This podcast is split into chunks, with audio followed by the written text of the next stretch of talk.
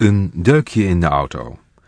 Vol trots stuurde vader zijn nieuwe auto de inrit op en terwijl zijn vrouw en kinderen stonden te kijken, manoeuvreerde hij de auto, die amper twee jaar oud was, de garage in.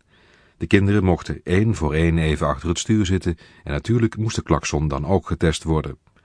Door al dat getoeter kwam de buurman kijken en uit het verhaal dat vader vertelde werd duidelijk dat die auto voor hem heel bijzonder was. In de garage stond niet alleen de auto, maar ook de fietsen, het tuingereedschap en wat speelgoed van de kinderen, zoals de step, bal en de spullen voor de zandbak.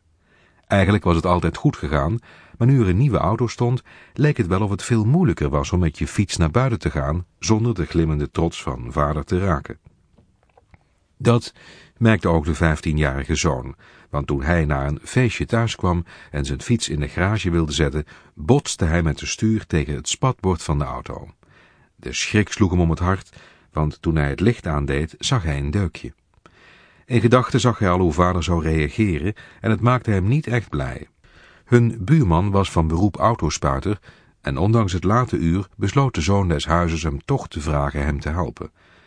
Gelukkig begreep de buurman het probleem en zeker gezien het bleke gelaat van de jongen wilde hij best de helpende hand bieden. Het was ver na middernacht toen hij het deukje keurig had weggewerkt en de rest van de auto had gepoetst, zodat er eigenlijk niets meer van te zien was. Terwijl het hele gezin ochtends aan het ontbijt zat, kwam vader samen met de buurman hoofdschuddend binnen en zei, ik begrijp er niets van. Toen ik die auto kocht, zat er op het spatbord een klein duikje. En nu ik het aan de buurman wil laten zien om te vragen of hij dat weg kan werken, kunnen we het niet meer vinden. De vijfjarige jongste telg van het gezin had het allemaal aangehoord en zei, toen ik gisteren de bal binnengooide, bonze die boven op de auto en ik denk dat toen het deukje eruit sprong.